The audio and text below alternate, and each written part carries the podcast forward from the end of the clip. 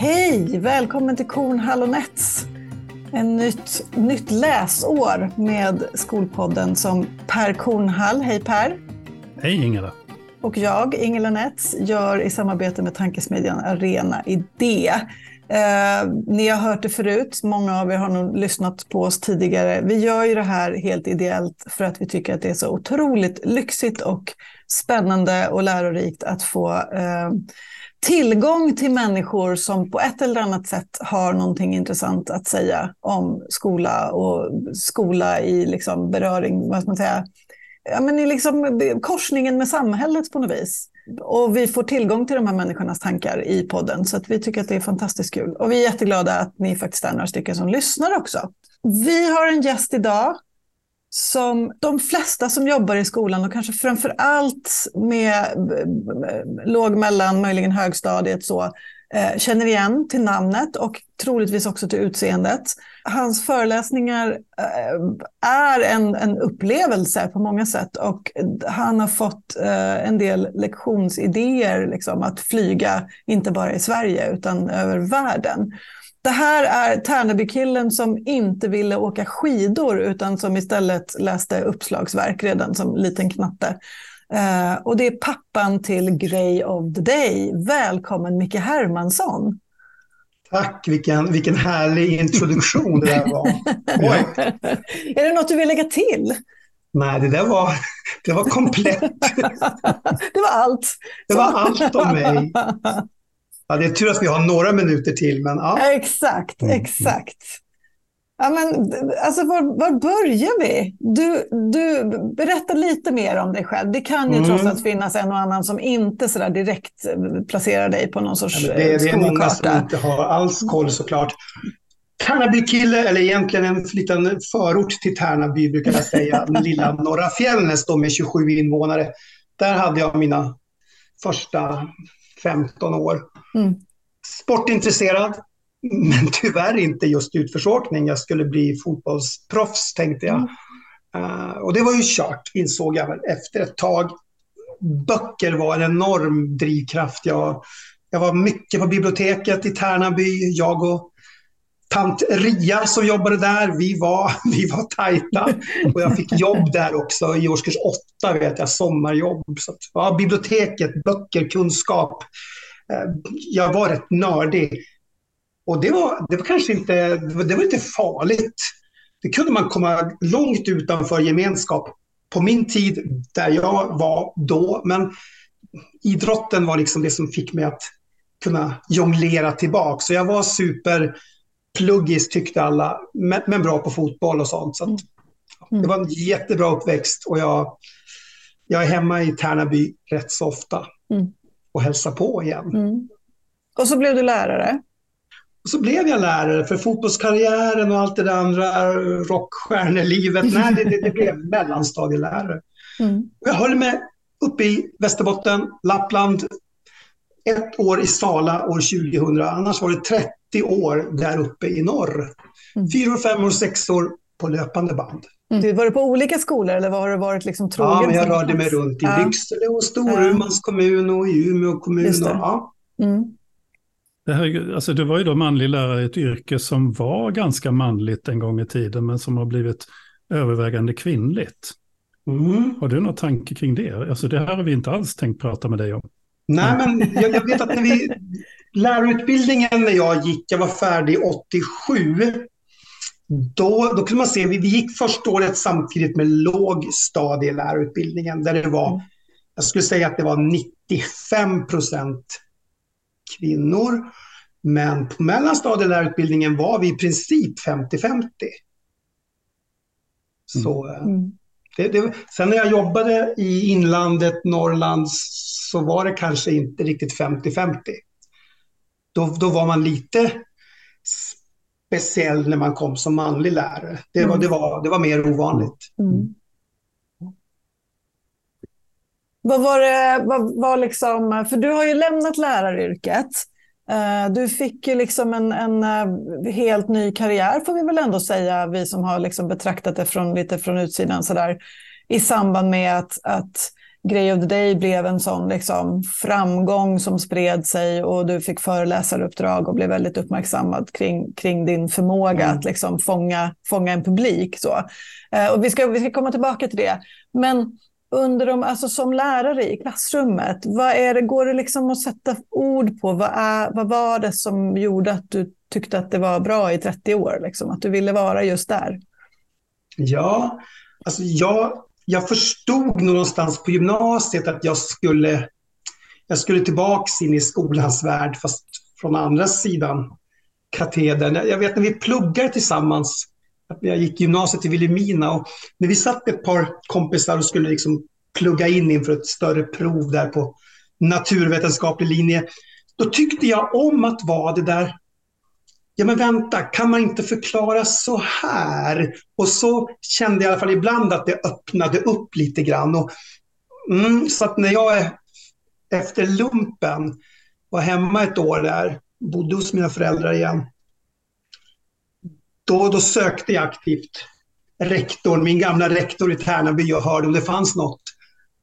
Och det gjorde det. Och jag trivdes, jag trivdes extremt bra väldigt, väldigt länge jobbade på små, små skolor. Jag hade ett år en tre, sexa. Det är sånt här som man, det låter som att man hittar på, men mm. så såg det ut i lilla Ankarsund eller i Rusks eller där jag jobbade. Och det, var ju, det var ju annorlunda. Det låter som att man är supergammal, men har gått igenom, jag hade Lgr 69 som barn. Sen var det Lgr 80 när jag kommer ut och så var man med om en ganska, ganska kraftfull förändring över 30 år såklart. Mm. Och jag kanske inte hängde med i alla svängar. Jag tyckte om och jag var bra på det som skedde i klassrummet. Förberedelserna, ja. Efterarbetet, absolut. Men just mötet med en massa kids som inte alltid tyckte att historia eller matematik var superkul. Hur, hur kunde jag då försöka öppna upp de där dörrarna för dem? Det, jag tyckte om det. Och det här är någonting som vi känner igen, vi som har, som har varit lärare.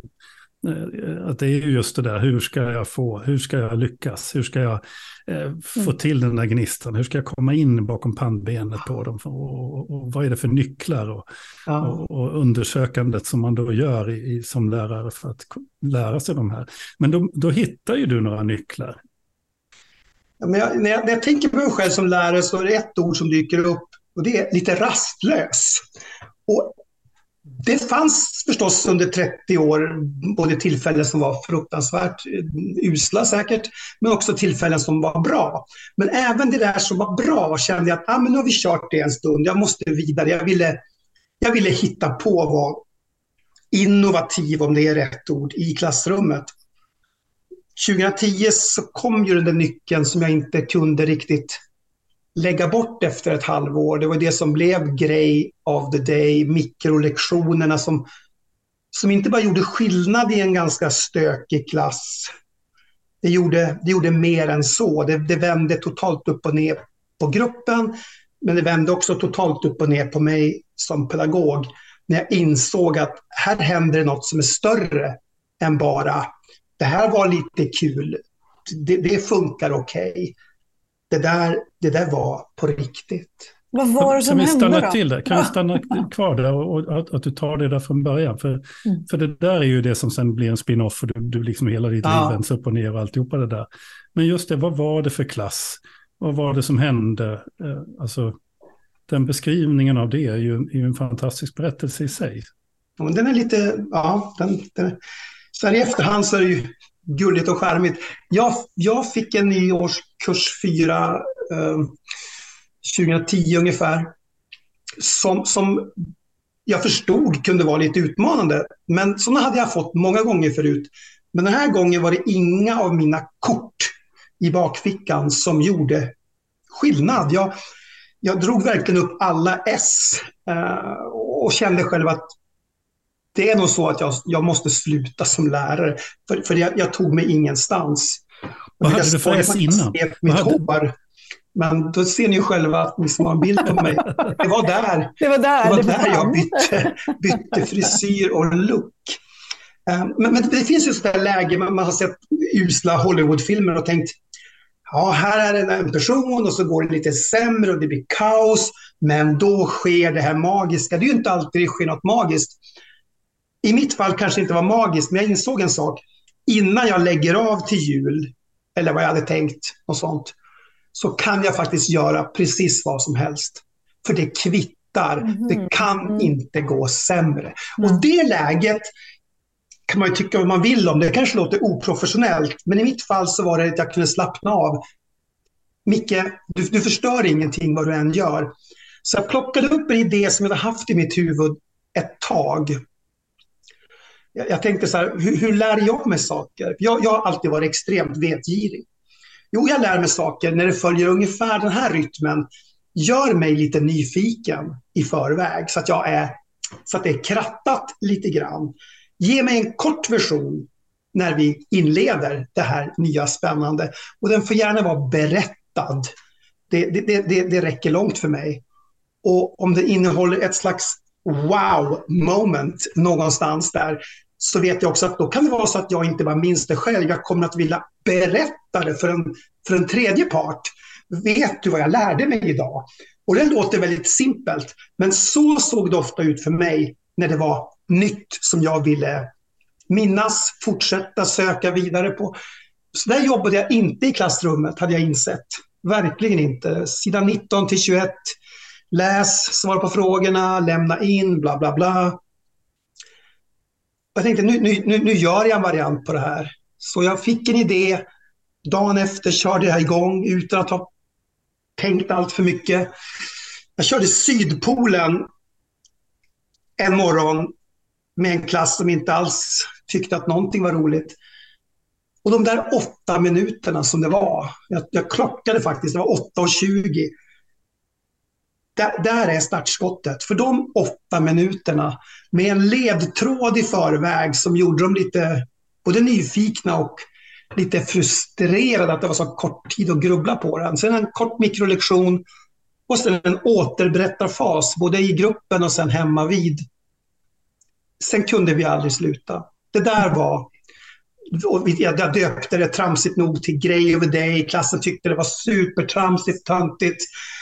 Jag har fått så mycket kommentarer kring det här namnet som har sagts vara så dåligt. Och idag heter det ju Grey the Day i ett 40-tal länder, så det fick vara så. Fast det kanske var tramsigt och töntigt egentligen. Det, där, mm. det är ett stickspår bara, um, att ordet grej då, som är ett väldigt svenskt ord, liksom, har, har också kommit att bli ett ord som fungerar internationellt, eller hur? Ja, alltså, liksom, jag fick ett mail fick ett mail för ett år sedan. Det, det, det var mina förlag och sådär, hur gör vi om det skulle bli internationellt? Jag sa, det, det, mm. glöm det, det kommer ju aldrig att hända. Nu, nu gör vi en bok för Sverige och så, sen är jag förmodligen tillbaka i klassrummet igen. Det var så det kändes. Jag fick ett mejl från Australien som lät ungefär så här. Hi, my name is Sarah. I'm from Sydney. Me and my class, we've been graying now for two years. And bla, bla, bla. Och då när man gör grej i verbform, fast mm. ja, på engelska, då visste jag att det funkar med ett svenskt ord. Ja. Ett svenskt ord. Ja. Det, det, backa tillbaka till det, där, till det där läget. Jag tycker det är så spännande att du når liksom vägs ände med en grupp.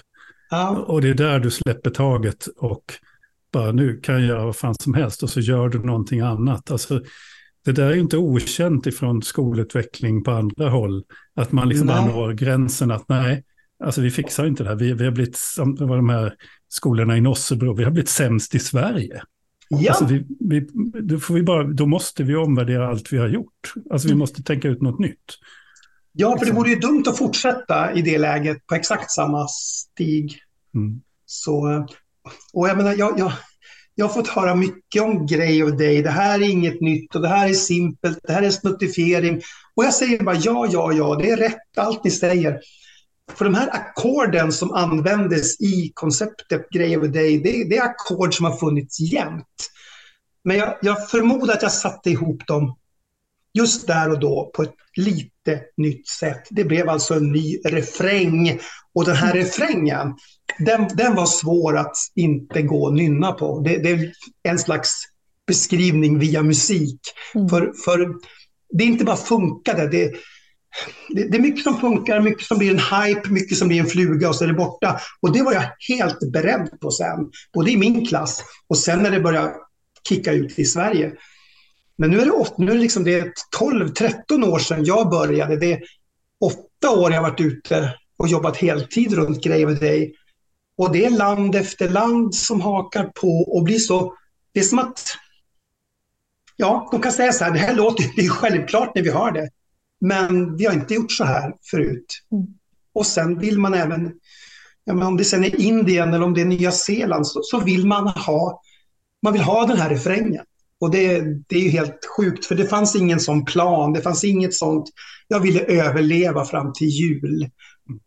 Och sen fortsatte jag sex år till med den gruppen i två år och det var de bästa sex åren. Vad hände i den gruppen? Vad hände i den klassen? Om du beskriver. Det, det, det hände... Jag minns första, den här första dagen så är det någon elev som för det första är frustrerad att det är så kort. Och det, och det, hade jag inte hört med den här gruppen, att någonting var för kort. Men, men det fanns, jag, jag sa det att vi, vi, kommer tillbaks. Det är lugnt. Men just nu släpper vi tråden. Jag tror att det kan vara smart. Eh, det hade varit lätt lärarmässigt att säga wow, ni är nyfikna på, på Sydpolen. Jag har mycket mer och så kör jag 70 minuter och dödar all lust till inlärning. Men jag stannar där vid 8-10. Eh, men det var också någon som säger så här, blir det mer? Får, får vi mer sånt här? Och då insåg jag att vi kör en imorgon också. Skillnaden är att jag lägger ledtråden i eftermiddag så får ni 16 timmar på er att fundera till imorgon. Jag tror att nästa handlade om, det var ledtråden eh, toppenställe, stod det på min tavla. Toppenställe. Och den fick de fundera på.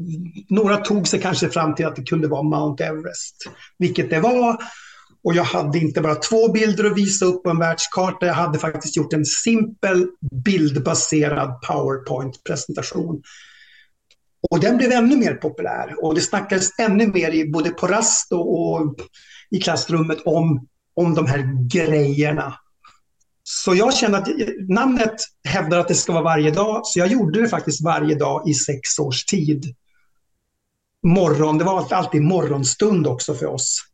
Eh, och jag, jag har ingen, det, det, man kan göra det när som helst skulle jag tro, men, men vi, det blev så vi gjorde.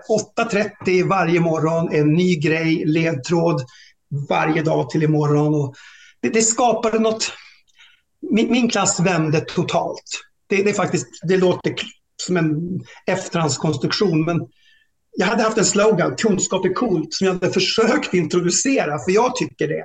Och folk hade bara skrattat, och framförallt mina elever, det var liksom, vadå coolt? Det finns mycket som är coolt. Men helt plötsligt trycker de upp t-shirts, de gör armband. De kommer tillbaka så här, vet du Micke, på innebandyträningen, det var en kille där som jag pratade med, han visste inte vem Rosa Parks var. Och då fick jag ju le lite grann. För att jag, liksom, nej, men det kan vara så att ni, ni går i fyran. Det, det är inte, de flesta läser inte om Rosa Parks jättemycket i fyran, men nu råkade vi göra det på grund av att Grave Day hade liksom ingen röd tråd på det sättet. Från Apollo 13 till Rosa Parks och sen tillbaks till Pirayan. Det var liksom det mm. systemet. Och pusselbitarna fick slängas ut på ett golv för att sen sakta bli ett pussel. Men hade du en plan då när du, när du kom igång? Liksom, så att du på något vis gjorde listor med vad, vad, vad är det för grejer du ska plocka in då och kanske i vilken ordning och sådär? Jag, check, jag checkade alltid upp så att jag hade någon, någon form av bäring från läroplanen. Det förstod mm. jag att det kunde vara, det kunde vara klokt. Eh, sen, sen insåg jag också att om vi till exempel ska ha rymden någon gång i mars då kan det vara smart att jag har haft ett antal rymdbaserade Grave Day under, under hösten. Så att när man, mm. när man drar igång där så... Vi, vi vet ju vem Valentina Tereshkova och vi kan kometer och vi vet allting om Laika. Ja, jag vet, ni kan jättemycket och nu hakar vi på därifrån. Mm. Så jo, jag, jag, hade koll på det, men jag hade ingen total planering som var minutiös. Mm. Jag litade på att under två år så kommer vi tillbaks. Och då gäller det bara för mig att ta tag i de här trådarna. För de kommer också att ta tag i trådarna. Och här ska vi väva något som är större än vi någonsin har sett förut. Mm. Har du, har du någon, det här är ju länge sedan nu. Har du, är det någon av de här eleverna som du liksom har kontakt med eller vet hur ja. det har gått? Eller, för, ja. för det, och anledningen till att jag frågar det, för det är ju alltid, det är alltid roligt för en lärare att möta sina gamla elever, så är det ju liksom, oavsett hur vi har jobbat i klassrummet. Men, men det jag är nyfiken på är för att när du föreläser nu så pratar du ganska mycket om livslångt lärande. Och mm. jag vill ju, min hjärna vill ju gärna göra kopplingen, liksom, att det här, det här att, du, att du väckte deras nyfikenhet på kunskap, om det har liksom, kan du se, har det hängt i? Ja, men det, det, det, det så länge jag bodde kvar uppe i norr så träffar jag mina gamla elever ganska ofta mm. med slump. Men jag får också mejl och kontakter. Några lärare blev det. Eh, några bibliotekarier blev det i den här gruppen.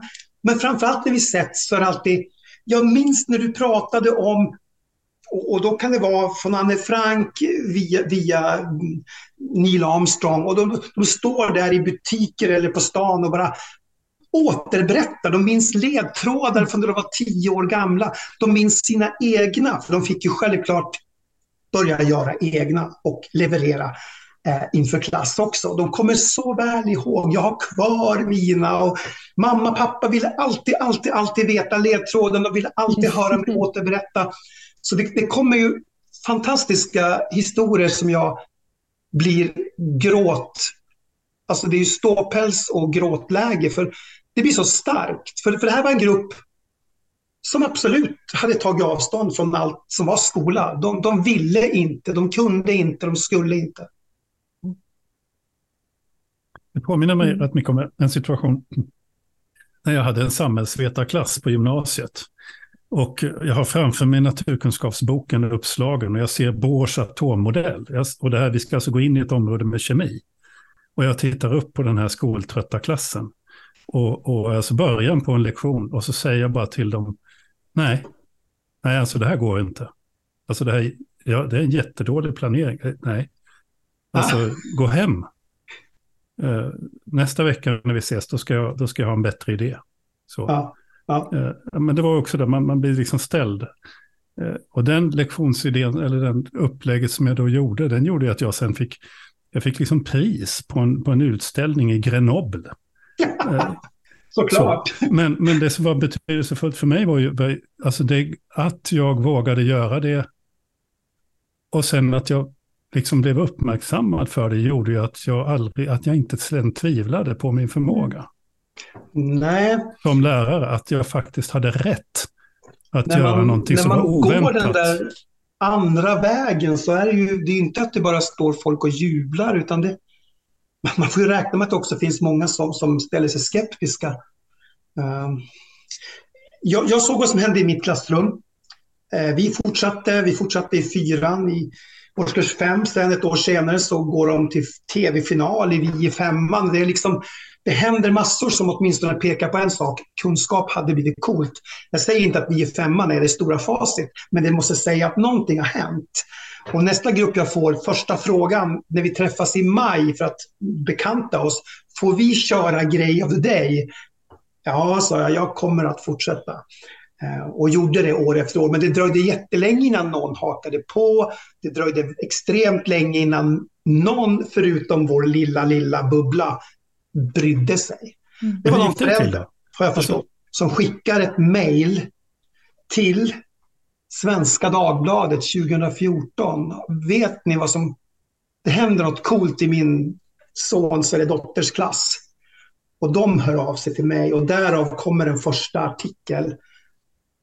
Och utan det mejlet så hade jag förmodligen blivit trött på Grave Day efter en stund och så hade, hade jag rastlöst försökt hitta på något annat kanske. Jag vet inte, han, vi måste stanna här en stund, för nu är vi på väg liksom in i det här, ditt, vad som händer i ditt liv liksom, med det här sen. Men jag, alltså jag blir så otroligt nyfiken på det här, för det, både det du berättar Per och det du berättar Micke, och jag tror att jättemånga lärare eh, känner igen sig i det här. Jag gör det också, jag har också haft de där stunderna när man känner att äh, vad fasen, det här är inget bra, vi gör något helt annat. Eller liksom, ja. man, man, man bara tar något ur luften för att man känner att jag måste pröva någonting helt nytt.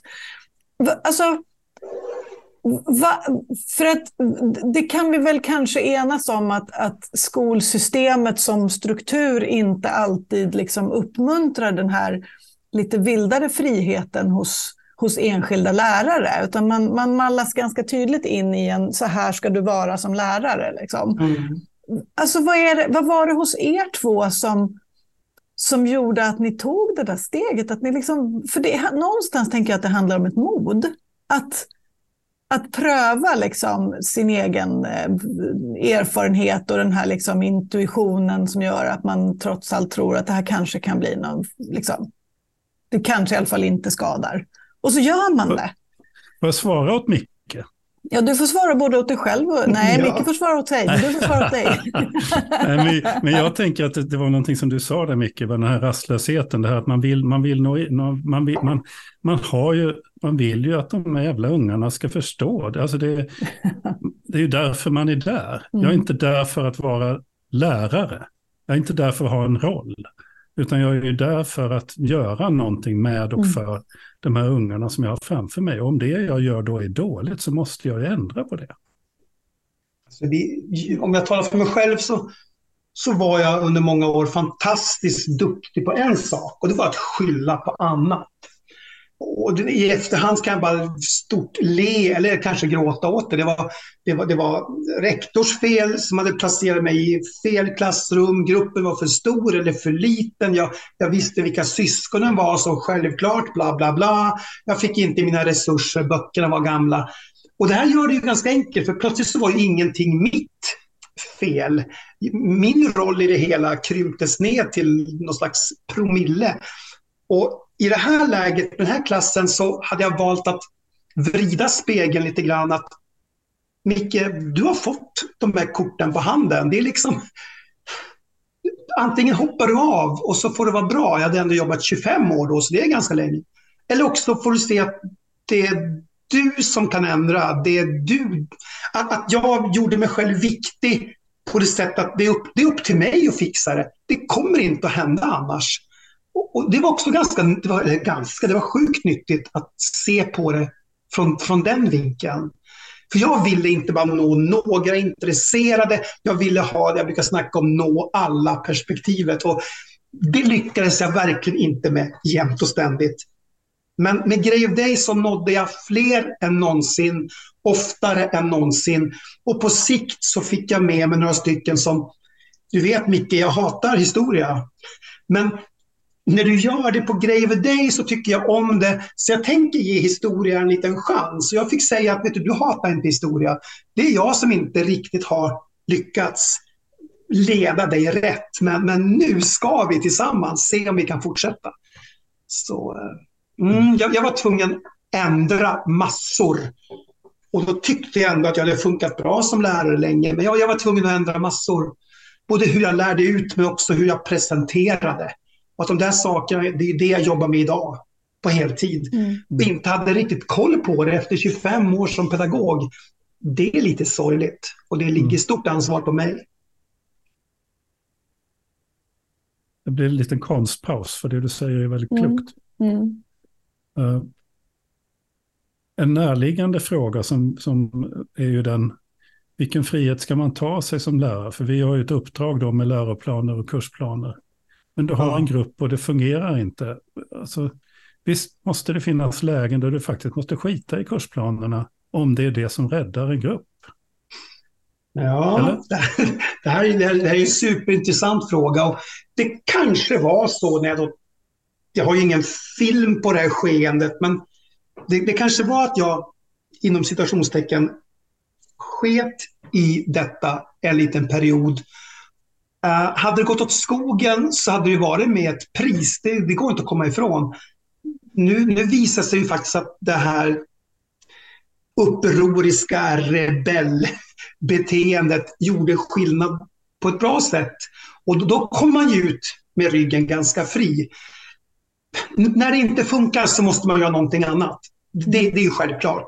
Och jag förstår att alla varken vill eller kanske kan eller vågar. Det finns inte en sån kultur där du jobbar. Jag hade de där 25 åren i ryggen och det kanske var det som gjorde att jag ändå vågade lita lite grann på att det är ingen som tittar in i mitt klassrum hela tiden. Jag gör det här. Det är mycket annat jag gjort som inte har funkat, som ingen har brytt sig om. Så låt oss pröva. Det var i alla fall lite skoj. Eh, och, jo, jag tycker man ska vara lite lätt rebellisk med, med förtecknen jag vill att det ska bli superbra, förstås. Mm. Mm. Mm. Och då är vi någonstans i det här som, som man nu pratar väldigt mycket om i, i forskningen kring skola och utbildning och lärande, att, att liksom ett, ett, ett någon sorts eh, moraliskt eh, syfte och driv som är liksom större än den enskilda lektionen är det som också faktiskt på sikt gynnar lärandet. Att man, ja, men som i ditt fall, liksom drivs av det, det, ska, det, ska bli, det, det måste funka för de här ungarna. Och då blir det viktigare än att du följer liksom eh, årsplaneringen i, i eventuellt i ett kollegium eller ett arbetslag eller ja. vad det nu kan handla om. Så. Och, och, samtidigt så förstår jag också att om man bryter mot alla vi har kommit överens om och vi ska mm. så blir det, mm. det blir ju inte alltid bra såklart. Så, nej, det, det, det, det, är en, det är en svår knäckfråga och att man mm. har lite fingertoppskänsla och inte gör sig omöjlig med sina kollegor och, och, och, vänner där. Men samtidigt vågar pröva för det känns att man brinner för något. Jag, jag, jag, har alltid tyckt så mycket om att lära mig själv och jag var så frustrerad när jag insåg att de här eleverna gick hem och på frågan vad har du lärt dig idag i skolan? Alltid konsekvent svarade inget särskilt. Och det kan man ju säga bara för att man är slapp och slö och trött en dag. Men om det konsekvent är det enda svaret, då, då faller det tillbaks på mig vad håller jag på med? Alltså I alla andra verksamheter hade man ju fått sparken eller varit tvungen att gå i konkurs eller vad som helst. Men jag kunde fortsätta år efter år med elever som säger inget särskilt. Fast jag planerade, jobbade, efterarbetade. Det, det var verkligen det som också fick mig att säga, ja, gör, gör något. E-, eller lägg av. Mm. För, för det här blir ju totalt kontraproduktivt. Jag, nej, Nej, och ibland, ibland blir det ju bra. I det här fallet så blev det bra. Men än en gång, det fanns ingen plan, det fanns ingen långsiktig och sen ska jag och därefter. Det, det fick bli som det blev. Men med de här grupperna, jag hade tre klasser av två år, så blev Grave Day navet i allt jag gjorde. På riktigt. Och jag började för första gången intressera mig för hur lär vi oss? Hur funkar vår hjärna? Och hur, varför minns man vissa saker och glömmer så extremt mycket annat? Det var det ena. Och det andra var, varför presenterar folk så att man oftast bara sitter och fipplar med sin telefon och tänker vad är klockan? Men några gör det så att man lutar sig framåt och vill bara ha mer. Är det här bara en slump och tur eller finns det något som man faktiskt kan eh, destillera? Och jag insåg att självklart, det här borde jag vara expert på.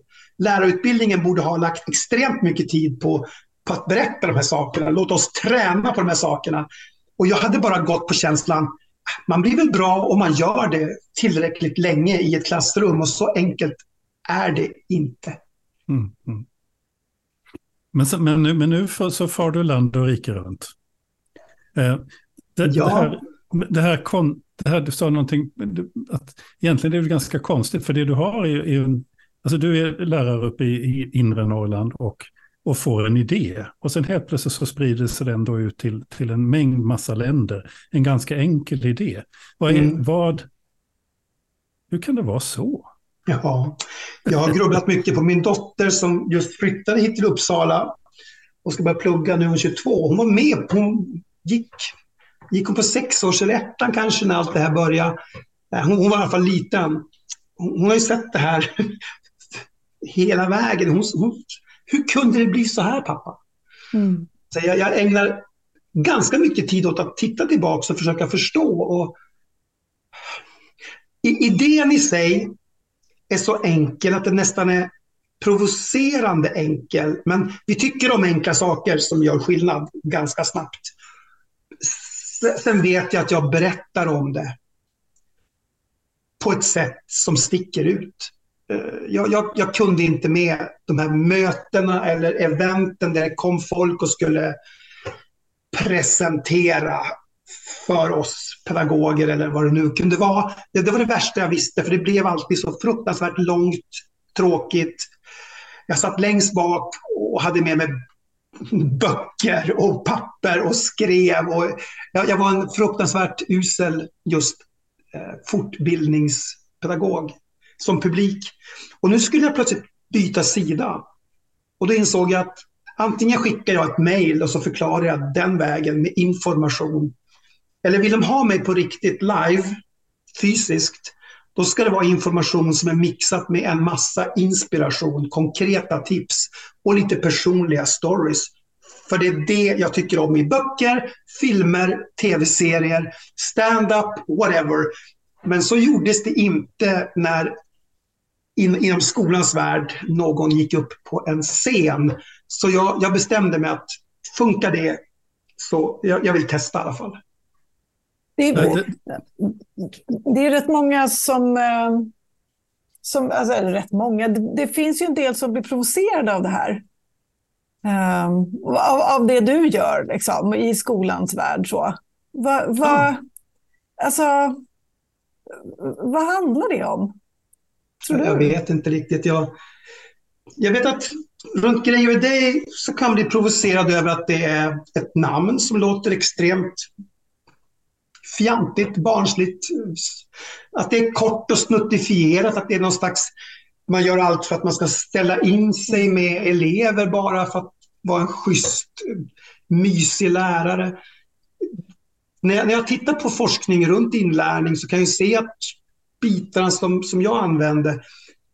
en pre-thinking, en ledtråd, japp, det finns massor som, som stryker under det. Eh, hålla det kort, ja, självklart. TED-talks är 18 minuter max. När det gäller yngre barn så ska vi förstås krympa tiderna om vi kan. Storytelling kommer aldrig att gå ur tiden. Det har funkat i tusentals år. Att lägga ett wow i slutet som en slags cliffhanger inför någon slags fortsättning. Ja, ja, ja, dopaminet ska ut. Vi ska, vi ska göra korttidsminnen till långtidsminnen. Och så återberätta retelling som är kanske det vassaste av alla begrepp inom hur lär vi oss. Det dröjde ett par år för mig att förstå vad jag egentligen höll på med. Men då kunde jag också luta mig tillbaka och känna att det, det, funkar. Jag är ledsen, men, men, det funkar. Och med lite tur så råkade jag nappa åt mig en del av de riktigt, riktigt vassa eh, verktygen, triggerpunkterna. Så jag, jag, kan som inte säga så mycket mer än det. det. Jag var uppe i Bräcke i Jämtland i måndags. Möter en förskolegrupp. Av 50 personer var det två som kände till Grej of Day. När jag är klar två timmar senare kommer fram en kvinna och säger Vet du Micke, jag var sjukt nära att skippa det här i morse. Jag, jag tyckte det lät så enormt utanför intresset, typisk skolgrej som ska in i förskola. Jag var så anti. Jag kommer att börja. Om inte imorgon så i övermorgon. Jag har treåringar, men det här ska banne mig in. Det här borde vara överallt. Och det gjorde mig glad när jag körde hem de där 40 milen. För att det är det, jag menar, folk kan få bli provocerade eller vad som helst, men grejer som fungerar Ja, det, det är mitt bränsle. Det, det finns två perspektiv som tänker på här också. Alltså där du säger snuttifiering, för det har ju funnits en, det fanns ju en lång tradition på svenska lärar, lärarhögskolor och sånt om att, om att faktakunskaper var dåligt i någon mening. Alltså, eh, som ju är jättekonstigt om man betänker, inte minst om vi tar den här mellanstadieåldern, då ju våra hjärnor är så otroligt receptiva för sådana här små informationssnuttar. Det är ju de vi sen bygger ihop våra tankar med. Men vi, man, är ju, man är ju som en svamp i den åldern. Man vill ju lära sig meningslösa tabeller, ortsnamn och, och man bara... Alltså så är ju hjärnan ja. byggd va? Ja, men jag sitter med nioåringar hemma som är väldigt... Ja, det, det, är fantastiskt att ha den biten kvar in mot skolan. Och vi satt igår både med engelska glosor och svenska landskap och, och liksom bara förklara varför heter det Västerbotten när det ligger österut i Sverige. Mm. Liksom sen bara se att hennes ögon, mm. aha! Mm. Och det, liksom, det, det, är ju bränslet som, som en pedagog går igång på. Jag, jag, jag, jag vet att man kan köra grej av dig på många olika sätt. Och gör man det riktigt uselt så blir det förstås riktigt uselt också. Ja, det här var ingen roliga timmen. Jag, jag, tog saker från läroplanen, jag paketerade om, jag presenterade på ett sätt som faktiskt fick eleverna att lyssna. Och det intressanta var att man kom ihåg, man mindes, man ville ha mer och man kunde på sikt knyta ihop. Micke, det där hör ju ihop med det. Nu fattar jag varför Mm. Österbotten, okej. Okay. Alltså, det, det, här var ju, för, för mig var det första gången som lärande blev på riktigt. Inte, inte att man skruvar in historia i en burk med ett lock och där borta har du religion med en burk. Utan jag hällde ju ut det här lite huller om buller. Men vi fick också en effekt som blev mycket större pussel, mycket större nät av kunskap, större nät av lust att fortsätta eh, dra i tåtarna. Så att, nej.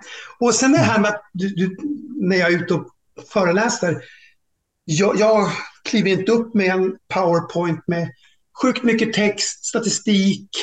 Jag berättar hellre en story. För att jag vet att nio av tio personer lyssnar då. Man ska till och med få skratta kanske eller le, sänka axlarna. Men det innebär ju inte att jag går upp och drar en massa trams. Jag paketerar däremot min information så att förhoppningsvis så många som möjligt vill lyssna. Mm. Ehm, om det retar någon, så jag kan liksom inte, jag kan liksom inte be om ursäkt för det. Det, det, det, det, det var jobbigt någon gång där i början, men alltså alternativet att jag skulle bli sämre på scenen, tråkigare på scenen, det kommer inte att hända. Jag fick precis en inbjudan från Belgien nu och de ville ha mig och de skriver det. Vi har hört att du är en sån karismatisk. Och det var deras ord. Men nej, jag, jag, jag är för gammal för att ändra mig just där. Det, det tror jag faktiskt. Lever du, här... lever du ditt drömliv nu jämfört med ja, lärarlivet? Alltså jag, jag trivdes jättebra som lärare. Hade jag fått skriva ett, det här klassiska brevet till Micke, 13 år, som skrev en massa deckare och tyckte om och var lite så här on stage fast på ett annat sätt hemma i, hemma i Norra Fjällnäs. Då hade jag skrivit det att lärare är ett jättebra mellansteg, men, men du kommer, det blir inga deckare du skriver, men du kommer att få göra böcker så småningom. Men framför allt, Micke, du kommer att tycka om att föreläsa, hur konstigt det än låter. Så vänta inte så himla länge med det. Jag tycker att det är super, super roligt. Drömliv. Det, det, är, men det här är också ja, spännande. Så kan vi säga. Ja, men det är också spännande för att eh, om man frågar lärare vad som är kul med undervisning så är det ju klassrumssituationen, undervisningssituationen, ja. eller hur? Och, och, ändå, och återigen har vi haft någonting om att den berättande läraren, den är den fel, det, man får inte göra så. Alltså, eh, jag menar, jag har ju läst forskningsrapporter där man studerade Skolverket på 19, tidigt 1990-tal, där de åkte ut och faktiskt menade att, att lärare gjorde fel. Ja. När de det var ju en sån saker. trend som kom, ja. jag minns den mycket väl. Men, men, men att berätta är ju så grundläggande ursprungligt för oss som mm. människor. Och mm. där finns ju också en lust i det. Alltså, ja. Och lite grann det här att faktiskt vara teaterapa ibland som lärare. Mm. Alltså, det är, alltså det är någonting där som ju faktiskt är viktigt. Sen ska ju inte det bara det enda man ska göra, nej, utan man använder det som ett verktyg. Då. Men, men jag, jag, tycker om att lägga grunden med en berättelse, med en situation som man, som man gör att man ser att det tänder någonting. Att därifrån sen fortsätta, vilka medel du än vill använda, fysiska, digitala, forska på, men, men knyt gärna ihop det med sånt som är berättande också. Men storytelling, den pendeln har ju, tittar vi näringsliv och business, så är ju det det man eftersöker mest. Vi vill kunna beskriva våra produkter och idéer, men via storytelling. Och eh, jag tror att i skolan så är det fortfarande enormt starkt verktyg. Förskolan gör det ju mer av naturliga skäl. Och, eh, mm, det, här är ju, det här är ju jätte, tycker jag, är så intressant, apropå just det här med storytelling. För att alltså, det, det liksom berättandet och berättelsens kraft ja. pratar vi ju oerhört mycket om när vi pratar om, om att barn och unga läser lite för lite och, och borde läsa mer. Och, och liksom, eh, man pratar om att vi borde satsa mycket mer på högläsning högre upp i åldrarna därför att att höra någon berätta någonting är en sån stark liksom, eh, ingång till att bli nyfiken och vilja mer. Eh, och så gör man ändå det här kanske är en, en liksom analys tagen i luften av mig just nu, just nu, men jag tänker att vi gör någon sorts värdeskillnad i att jag läser som lärare högt ur en bok som någon annan har skrivit, alltså där det är någon, någon som har skrivit en berättelse. Eller att jag berättar någonting som jag har hittat på själv kring ja. de fakta eller den situation eller det här som jag vill ja. liksom väcka en nyfikenhet för. Och egentligen är det ju ingen skillnad. Ingen alls. Men Utan det är det extremt många, och då pratar vi både i näringsliv eller i lärarkåren som, som tycker att det här med storytelling, det är svårt, det är lite pirrigt, man har inte tränat på det säger man. Och så finns det den här myten att jag är inte sån, jag föddes inte till en berättare. Men, men prata med, med, med Anna istället, hon är... Och det här är ju intressant för när jag skrev boken som sen blev presentationslyftet och den föreläsningen så tittade jag djupt in i bland annat storytelling. Och det är klart att man kan ha en viss talang som i allting annat. Du kan ha en talang för stavhopp kanske. Men, men det räcker inte med den talangen, då kommer du en väldigt liten bit. Sen behöver du tekniker och en massa träning. Det låter ju helt logiskt. Om du håller gitarren i handen så behöver du tekniker och en massa träning. Men det är exakt samma sak med storytelling. Eh, det, det, finns, det finns sätt att klättra på den stegen om du vill. Det är ingenting du föddes med, punkt slut. Och ju mer den boken blev i 105 korta kapitel så insåg jag att storytelling, absolut, där har du en nyckel.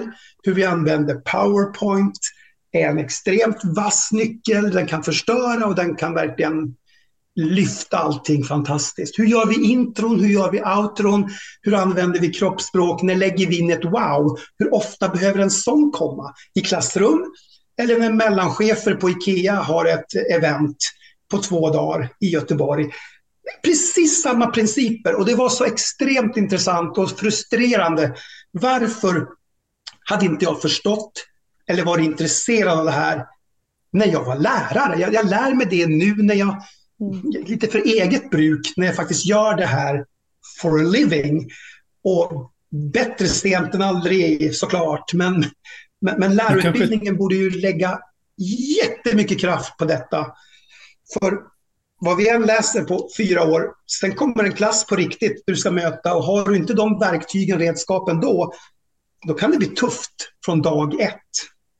Jag tänkte just säga till dig, vi kanske ska ha en gemensam hälsning till Peter Honett, som ju nu är utredare, ska lä utreda lärarutbildningen, att, att, eh, att eh, han behöver tänka på det här. Alltså mm. vi behöver faktiskt få kunskaper och träning på på de här säga, mm. verktygen som, som klassrumsundervisning Fundamentala stöttepelare för att, jag pratar mycket om att nå ut. Och det låter ju lite tramsigt kanske, men det, det är väl ändå, om, om jag stiger upp eller sitter ner och vill gå från mig till dig, från A till B, då räcker det inte att jag läser till från powerpointen eller bara ger informationen. Det finns ju sätt som skickliga presentatörer i hundratals år har nyttjat. Och det är hundratals, det kanske Nej, hundratusentals. går längre tillbaka såklart. Mm. Som gör att man lyssnar eller mm. stänger av. Mm. Och det här är inte dagsform och, och, om det är torsdag. Eller, det handlar om personen på scenen som gör något. Vi vet att idag vi sappar bort, vi, vi, vi, vi har kort fokusspann.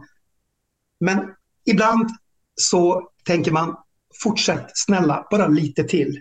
Och då, då, då, där ska jag vilja kunna pausa bilden och, och kolla vad gör denna person? Vad, vad hände när, när hon kom in i rummet? Vad, vad gör han just nu efter tio minuter när man börjar bli lite trött första gången? Mm.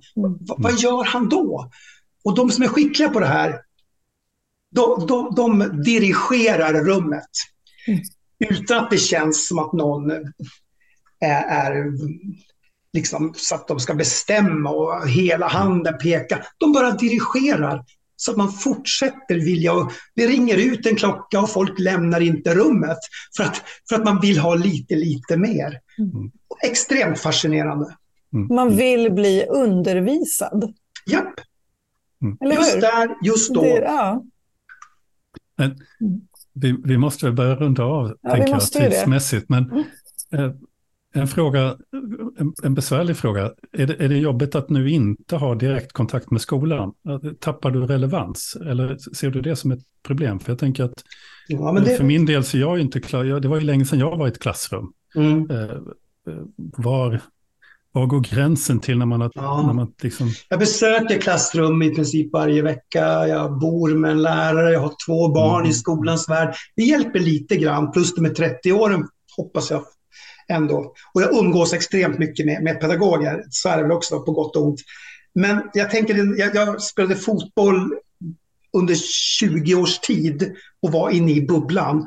Sen la jag av, hade några års helt uppehåll och sen blev jag tränare för pojkar 15 lag uppe i Lycksele som sen gick extremt långt i fotbollsallsvenskan.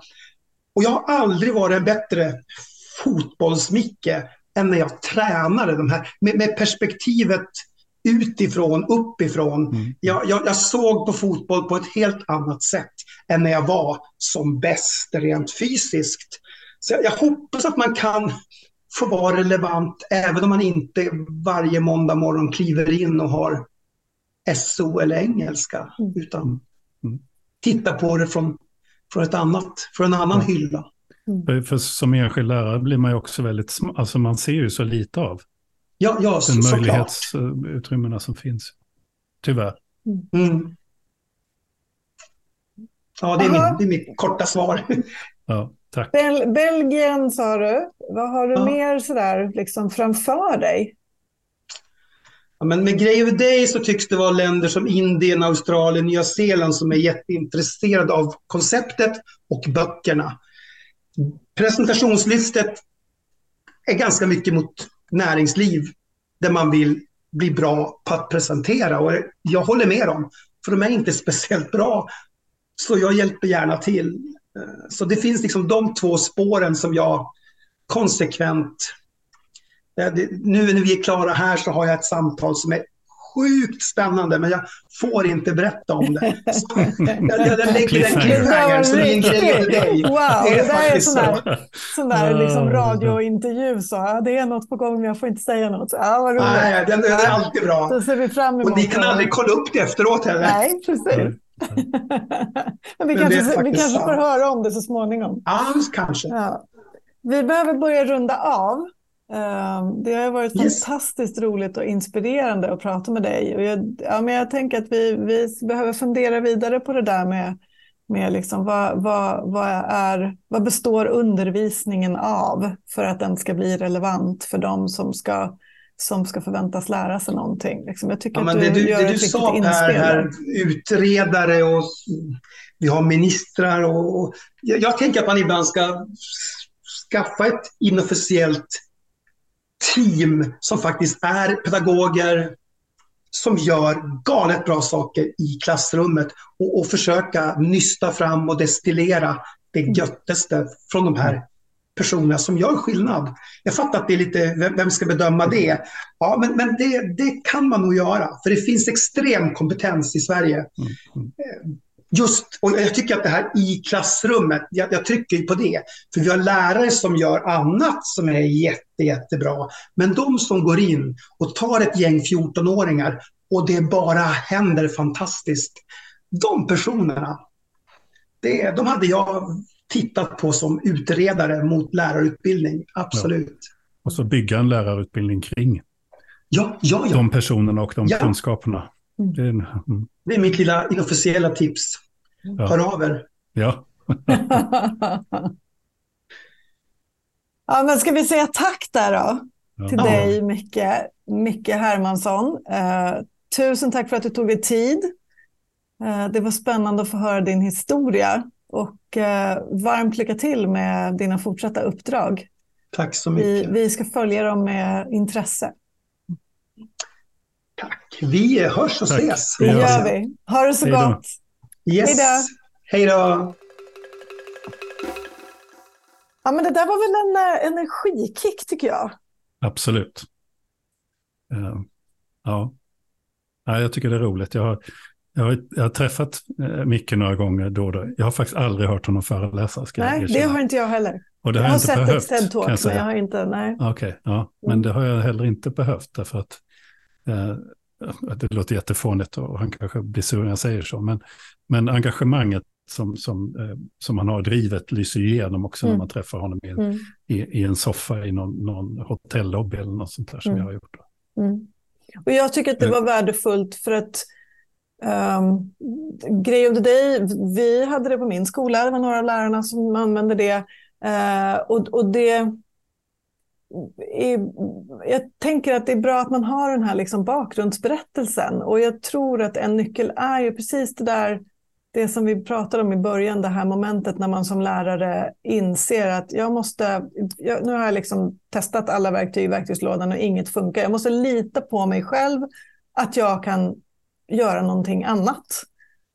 Eh, och så våga pröva det. Jag tycker det där liksom, det kan inte bli sämre. Nej, I alla fall. släppa taget. Det, det, ja.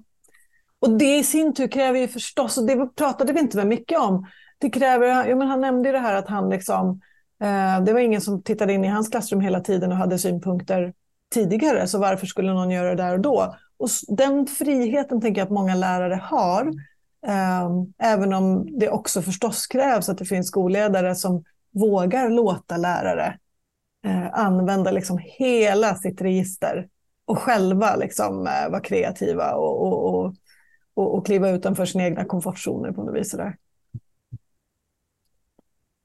Ja, det är jätte, jätteviktigt. Mm. Och så tänker jag, jag, jag kommer tillbaka till det där med ehm, att, att liksom, det, det finns eh, grupper av lärare och människor i skolvärlden som, som, som uppenbart blir provocerade av Mickes liksom, koncept eller framgång eller vad det nu är. Om det är avundsjuka eller om det är liksom någon sorts så här, ja, men det här gör vi allihopa, varför ska just han få, få liksom allt strålkastarljus på sig så. Um, istället kan jag tänka att vi kanske ska vrida på det och tänka att wow, här är det en av oss, en av liksom ur lärarkåren som plötsligt får stå på världens scener och berätta hur lärare jobbar. Mm. För liksom Ja, ja. företagsledare en, undervisnings, och liksom... en undervisningsidé kläckt i inre Nor- alltså Ja, Norrlands inland. precis. Det är Eh, faktiskt ganska häftigt. Det är ganska coolt, eller det är Ja. väldigt coolt till och med. Ja. Mm. Därför att det är de här grundläggande eh, liksom, eh, man säga, eh, formerna för undervisning som, som han ju så, bygger sitt arbete på. Och Mm. det funkar.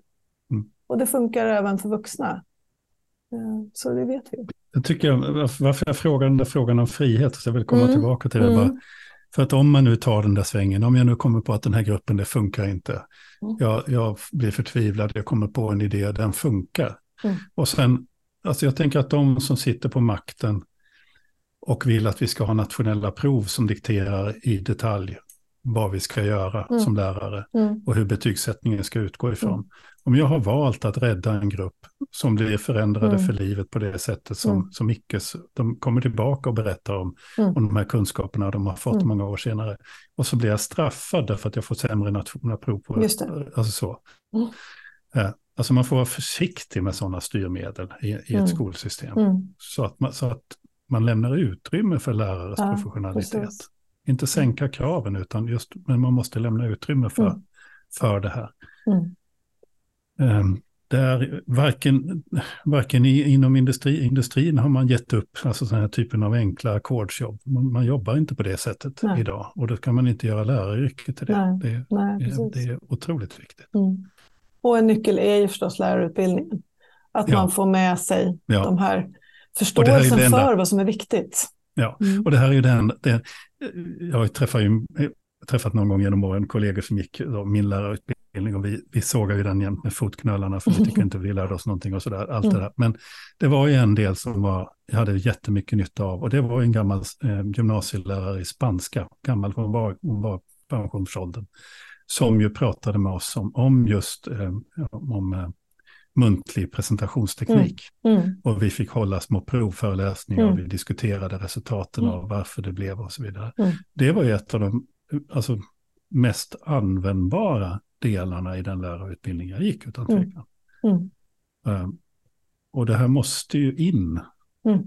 Måste ju se vad... Det, det, ja, och det måste sluta liksom betraktas som, som någon sorts bara ytlig fernissa. Ja. Ja. För det är kanske snarare så att det behöver börja där. Ja, och när exakt. man har de förmågorna så fyller man det med innehåll. Liksom. Fördjup, fördjupar man mm. det med, med de... Mm. Med de eh. Precis. Ja. ja, intressant. Kul att vara igång med ett nytt läsår. Ja. Verkligen. Ehm, du har just hört ett avsnitt av Kornhall och Nets, skolpodden som jag, Ingela Nets och Per Kornhall gör i samarbete med tankesmedjan Arena Idé. Ehm, vi hörs snart igen. Hör jättegärna av dig om du har frågor eller synpunkter eller förslag på gäster och sådär. Vi har börjat skissa på höstens eh, alla eh, namn som vi skulle vilja prata med, men vi tar jättegärna emot eh, flera förslag. Uh, och så hörs vi snart igen helt enkelt. Ja, och en sak till. Ja. Vi, vi pratade om det också, att om det är så att man har frågor, alltså som man vill ha svar på. Exakt. Inte bara frågor vi ska ta upp, alltså ha någon gäst kring, men är det så att du undrar över någonting så tänkte vi att vi kan väl ha någon sorts frågelåda eller så någon gång. Absolut, det är jättekul. Du hittar kontaktuppgifterna där du hittar podden.